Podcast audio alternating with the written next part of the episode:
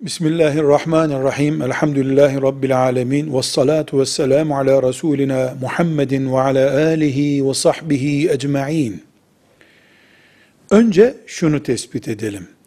Arsanın zekatı farz olması için ticari niyetle bulundurulması lazım.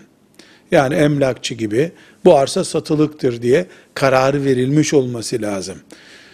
İleride değerlendirmek için alınmış bir arsanın zekatı olmaz. Ticari arsanın zekatı olur. Nasıl hesaplayacak? Onun zekat günü ne zaman geldi? Filan gün.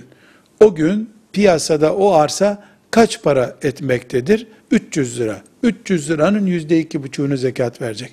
Arsamız satılmadı. Aradan iki sene geçti. İki sene sonra aynı gün yani benim özel zekat günüm geldi. Bugün arsa 90 liraya düştü. Belediye oraya bir karar getirdi. 90 liraya düştü. 90 liranın zekatını vereceğiz. 300'dü. 2 sene önce 600 liraya çıktı. 600 liranın zekatını vereceğiz. Velhamdülillahi Rabbil Alemin.